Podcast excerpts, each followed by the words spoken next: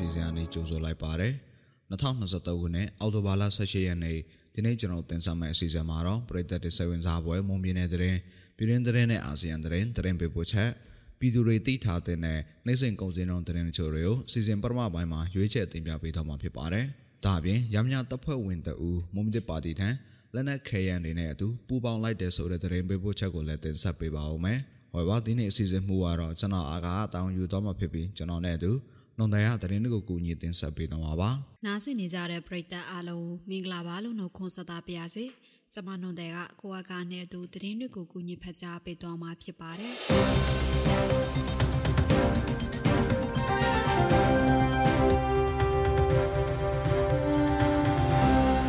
ပထမဦးဆုံးသတင်းပုံအနေနဲ့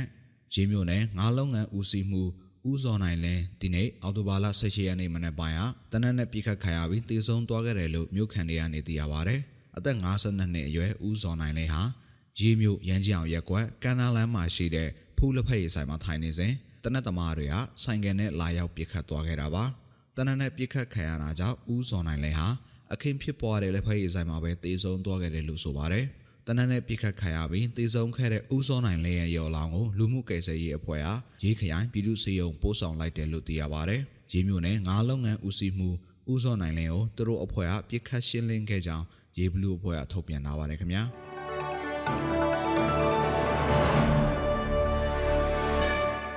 နောက်ထပ်သတင်းသဘောအနေနဲ့မော်လမြိုင်မြို့မှာလူငယ်2ဦးထံမှပစ္စတိုတနတ်တလက်နဲ့အတူ မူရစ်စေဝါရဲ့တနေ့ကနေ့လယ်ပိုင်းမှာဖမ်းဆီးရမိခဲ့တယ်လို့သိရပါဗျ။တနေ့နေ့လယ်3နာရီအချိန်စစ်ကောက်စီလုံခြုံရေးတပ်ဖွဲ့ကမော်လမြိုင်မြို့တွေ့တောက်ရက်ကွက်ဗုဒ္ဓဝင်လန်းနဲ့ဒေါနာလန်းဆောင်မှာပိတ်ဆို့ရှာဖွေစစ်ဆေးမှုတွေလှုပ်ဆောင်နေစေအခုလိုဖမ်းဆီးရမိခဲ့တယ်လို့သိရပါဗျ။ဗုဒ္ဓဝင်လန်းအတိုင်းမောင်ပြဖြိုဟိုင်းဆူတူမောင်းနှင်ပြီးနောက်မှကလွင်မိုးဆူတူစီးနှင်လိုက်ပါလာတဲ့နံပါတ်မပါတဲ့မော်တော်ဆိုင်ကယ်ကိုရက်သက်စစ်ဆေးခဲ့ရကနေလက်နက်နဲ့မူရည်စေဝါတွေကိုဖမ်းဆီးရမိခဲ့တာဖြစ်ပါတယ်။ မင်းပြဖြိုဟန်ရဲ့ဂျင်းမောင်းမီညာဘက်အိုက်ကအတွင်းကနေအီတလီနိုင်ငံထုတ်ကိုမမပစ္စတိုတလနဲ့ G8 တခုကိုမမကြီးတတောက်အပြင်အခြားကြီးတွေဆေးကြောက်လို့ယူဆရတဲ့အယိုအရွက်တွေရော3.5ဂရမ်ခန့်နဲ့အပြူရောင်ပလတ်စတစ်ကခွာအဲ့တွင်ထည့်ထားတဲ့ကေအမှုန့်တွေတင်စီရမိခဲ့တယ်လို့သိရပါဗျ။မင်းပြဖြိုဟိုင်နဲ့လူမိုးတို့နှစ်ဦးကိုမြန်တရားနယ်မြေရစကန်မှာအမှုပွေအရေးယူထားတယ်လို့သိရပါတယ်ရှင်။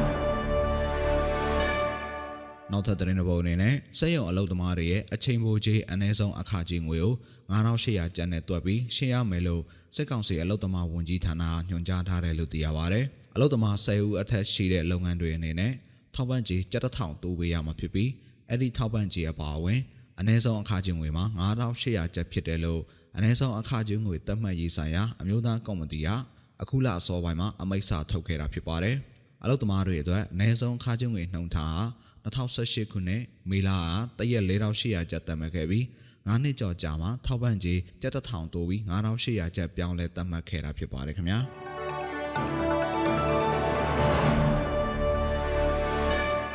နောက်ထပ်သတင်းသဘောအနေနဲ့တနင်္သာရီတိုင်းဒေသကြီးတရက်ချောင်းမြို့နယ်ရငယ်ရွာမှာမနေ့မနက်ပိုင်းကနေအိမ်လေးလုံးမိရှို့ခံခဲ့ရတယ်လို့ဒေသခံတွေစီကနေသိရပါဗျ။ စစ်ကောင်စီစစ်ကြောင်းဟာမနေ့မနက်9နာရီခွဲခန့်ကရငယ်ရွာထဲဝင်လာချိန်ပြည်သူ့ကာကွယ်ရေးတပ်တွေနဲ့နိုင်ယူဝက်ခဲတိုက်ပွဲဖြစ်ပွားခဲ့ကြပြီးနောက်ရွာထဲရှိနေအိမ်တွေကိုစတင်မီရှို့ခဲ့တယ်လို့ဒေသခံတွေကဆိုပါတယ်။စစ်ကောင်စီစစ်ကြောင်းထိုးဝင်ရောက်လာမှုနဲ့တိုက်ပွဲကြောင့်ရငယ်ရွာမှာရွာလုံးကျွတ်ထွက်ပြေးတိမ်းရှောင်နေကြရပါတယ်။ရငယ်ရွာကိုစစ်ကောင်စီတပ်ကမီရှို့တာဒီချိန်တည်းဆို9ချိန်အထိရှိနေပြီးမီရှို့ခံရမှုကြောင့်နေအိမ်၁၂လုံးထပ်မံမိလောင်ပျက်စီးခဲ့ရတယ်လို့ဒေသခံတွေကဆိုပါတယ်ရှင်။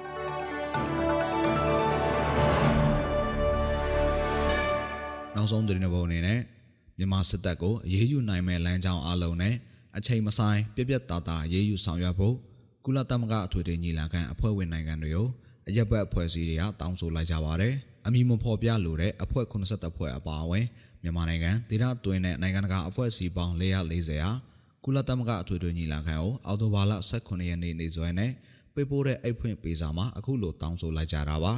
မြန်မာနိုင်ငံရဲ့လက်ရှိအခြေအနေအပြည့်အစုံကိုအပြည်ပြည်ဆိုင်ရာရာဇဝတ်ခုံရုံး ICC ကိုလွှဲပြောင်းပေးဖို့ကုလသမဂ္ဂလုံခြုံရေးကောင်စီကိုတောင်းဆိုတဲ့ကုလလူအခွင့်အရေးမဟာမင်းကြီးရဲ့တောင်းဆိုချက်ကိုလည်းအကြက်ပွဲအဖွဲ့အစည်းတွေကတခဲနဲ့ထောက်ခံလိုက်ကြပါတယ်နိုင်ငံတကာဥပဒေအောက်မှာမြန်မာစစ်တပ်ကိုတာဝန်ယူတာဝန်ခံခိုင်းတာမရှိဘူးဆိုရင်ငမြန်မာစစ်တပ်ဟာလူမျိုးတုံးတပ်ဖြတ်မှုလူသားမျိုးနွယ်အပေါ်ကျူးလွန်တဲ့ရာဇဝတ်မှုတွေကို ဆက်လက်ကျူးလွန်နေမှာဖြစ်တယ်လို့လည်းအိတ်ဖွင့်ပေးစာမှာဖော်ပြထားပါတယ်။လုံခြုံရေးကောင်စီဟာမြန်မာနိုင်ငံဆိုင်ရာစုံပြတ်ချက်2699ကိုချမှတ်ခဲ့ပေမဲ့တနေ့လောက်ကြာတဲ့အထိဘာမှအကောင့်ထဲမဖော်နိုင်ခဲ့တဲ့အတွက်စိတ်ပြတ်မိတယ်လို့လည်းအရက်ဘက်အဖွဲ့အစည်းတွေကပြောပါတယ်ခင်ဗျာ။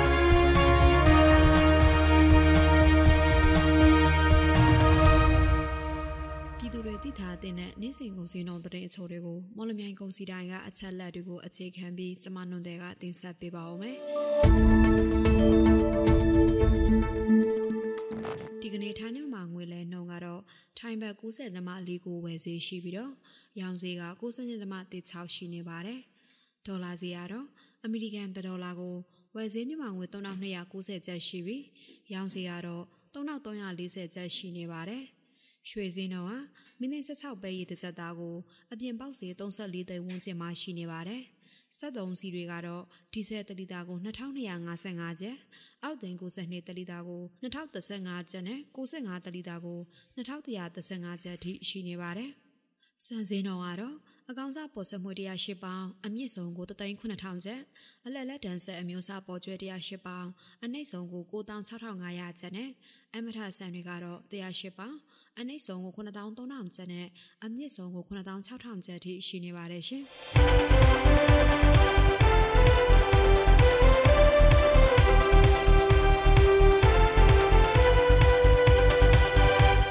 အခုတင်ဆက်ပေးသွားခဲ့တာကအော်တိုဘာလ18ရက်နေ့မှာဖြစ်ပျက်ခဲ့တဲ့မုံမြင့်တဲ့တဲ့ပြည်တွင်းသတင်းနဲ့အာဆီယံသတင်းတွေအပြင်တနေသားစီစိမ်းငွေစိမ်းနဲ့ကုန်စည်နှုန်းတွေကိုတင်ဆက်ပေးသွားခဲ့တာဖြစ်ပါတယ်။ဆက်လက်ပြီးတော့ရာမညတပ်ဖွဲ့ဝင်တို့ မုံမြင့်ပါတီထံလက်နက်ခဲရန်နဲ့အတူပူးပေါင်းလိုက်တဲ့ဆိုတဲ့သတင်းပေးပို့ချက်ကိုနဒီယာတင်ဆက်ပေးပါဦးမယ်။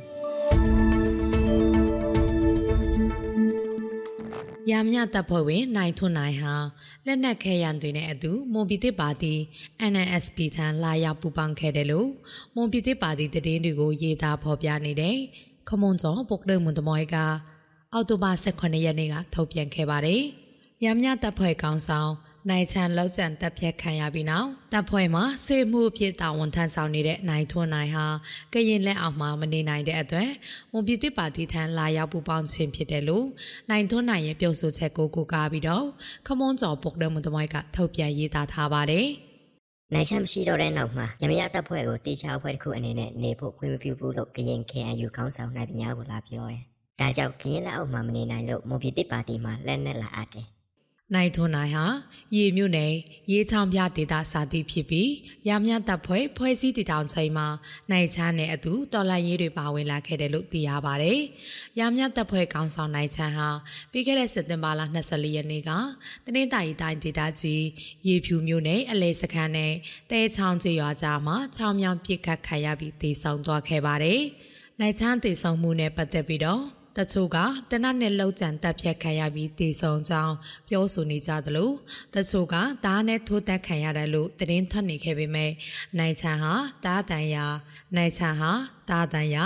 ရိုက်နှက်ထားတဲ့တန်ရာနဲ့တည်ဆုံကြောင်းနိုင်ထွန်းနိုင်ကပြောဆိုတယ်လို့ခမွန်းကျော်ပုတ်တဲမှုသမိုင်းကထုတ်ပြန်ထားပါတယ်။ နိုင်ချာဦးဆောင်တဲ့ရာမြတပ်ဖွဲ့ဟာ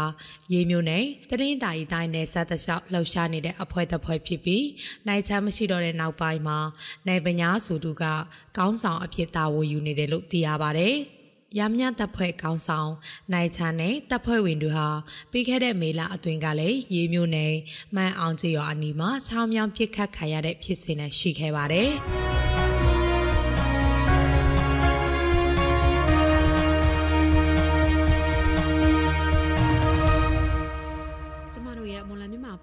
အစဉ်ဒီမှာတင်ပြီးဆုံးပါပြီ။နားဆင်နေကြတဲ့ပရိသတ်အားလုံးနောက်နေ့အစီအစဉ်တွေမှာဆက်လက်အားပေးကြပါအောင်လို့ဖိတ်ခေါ်ရင်းအစီအစဉ်ကိုဒီမှာပဲအဆုံးသတ်ပါရစေ။အားလုံးကိုကျေးဇူးတင်ပါတယ်ရှင်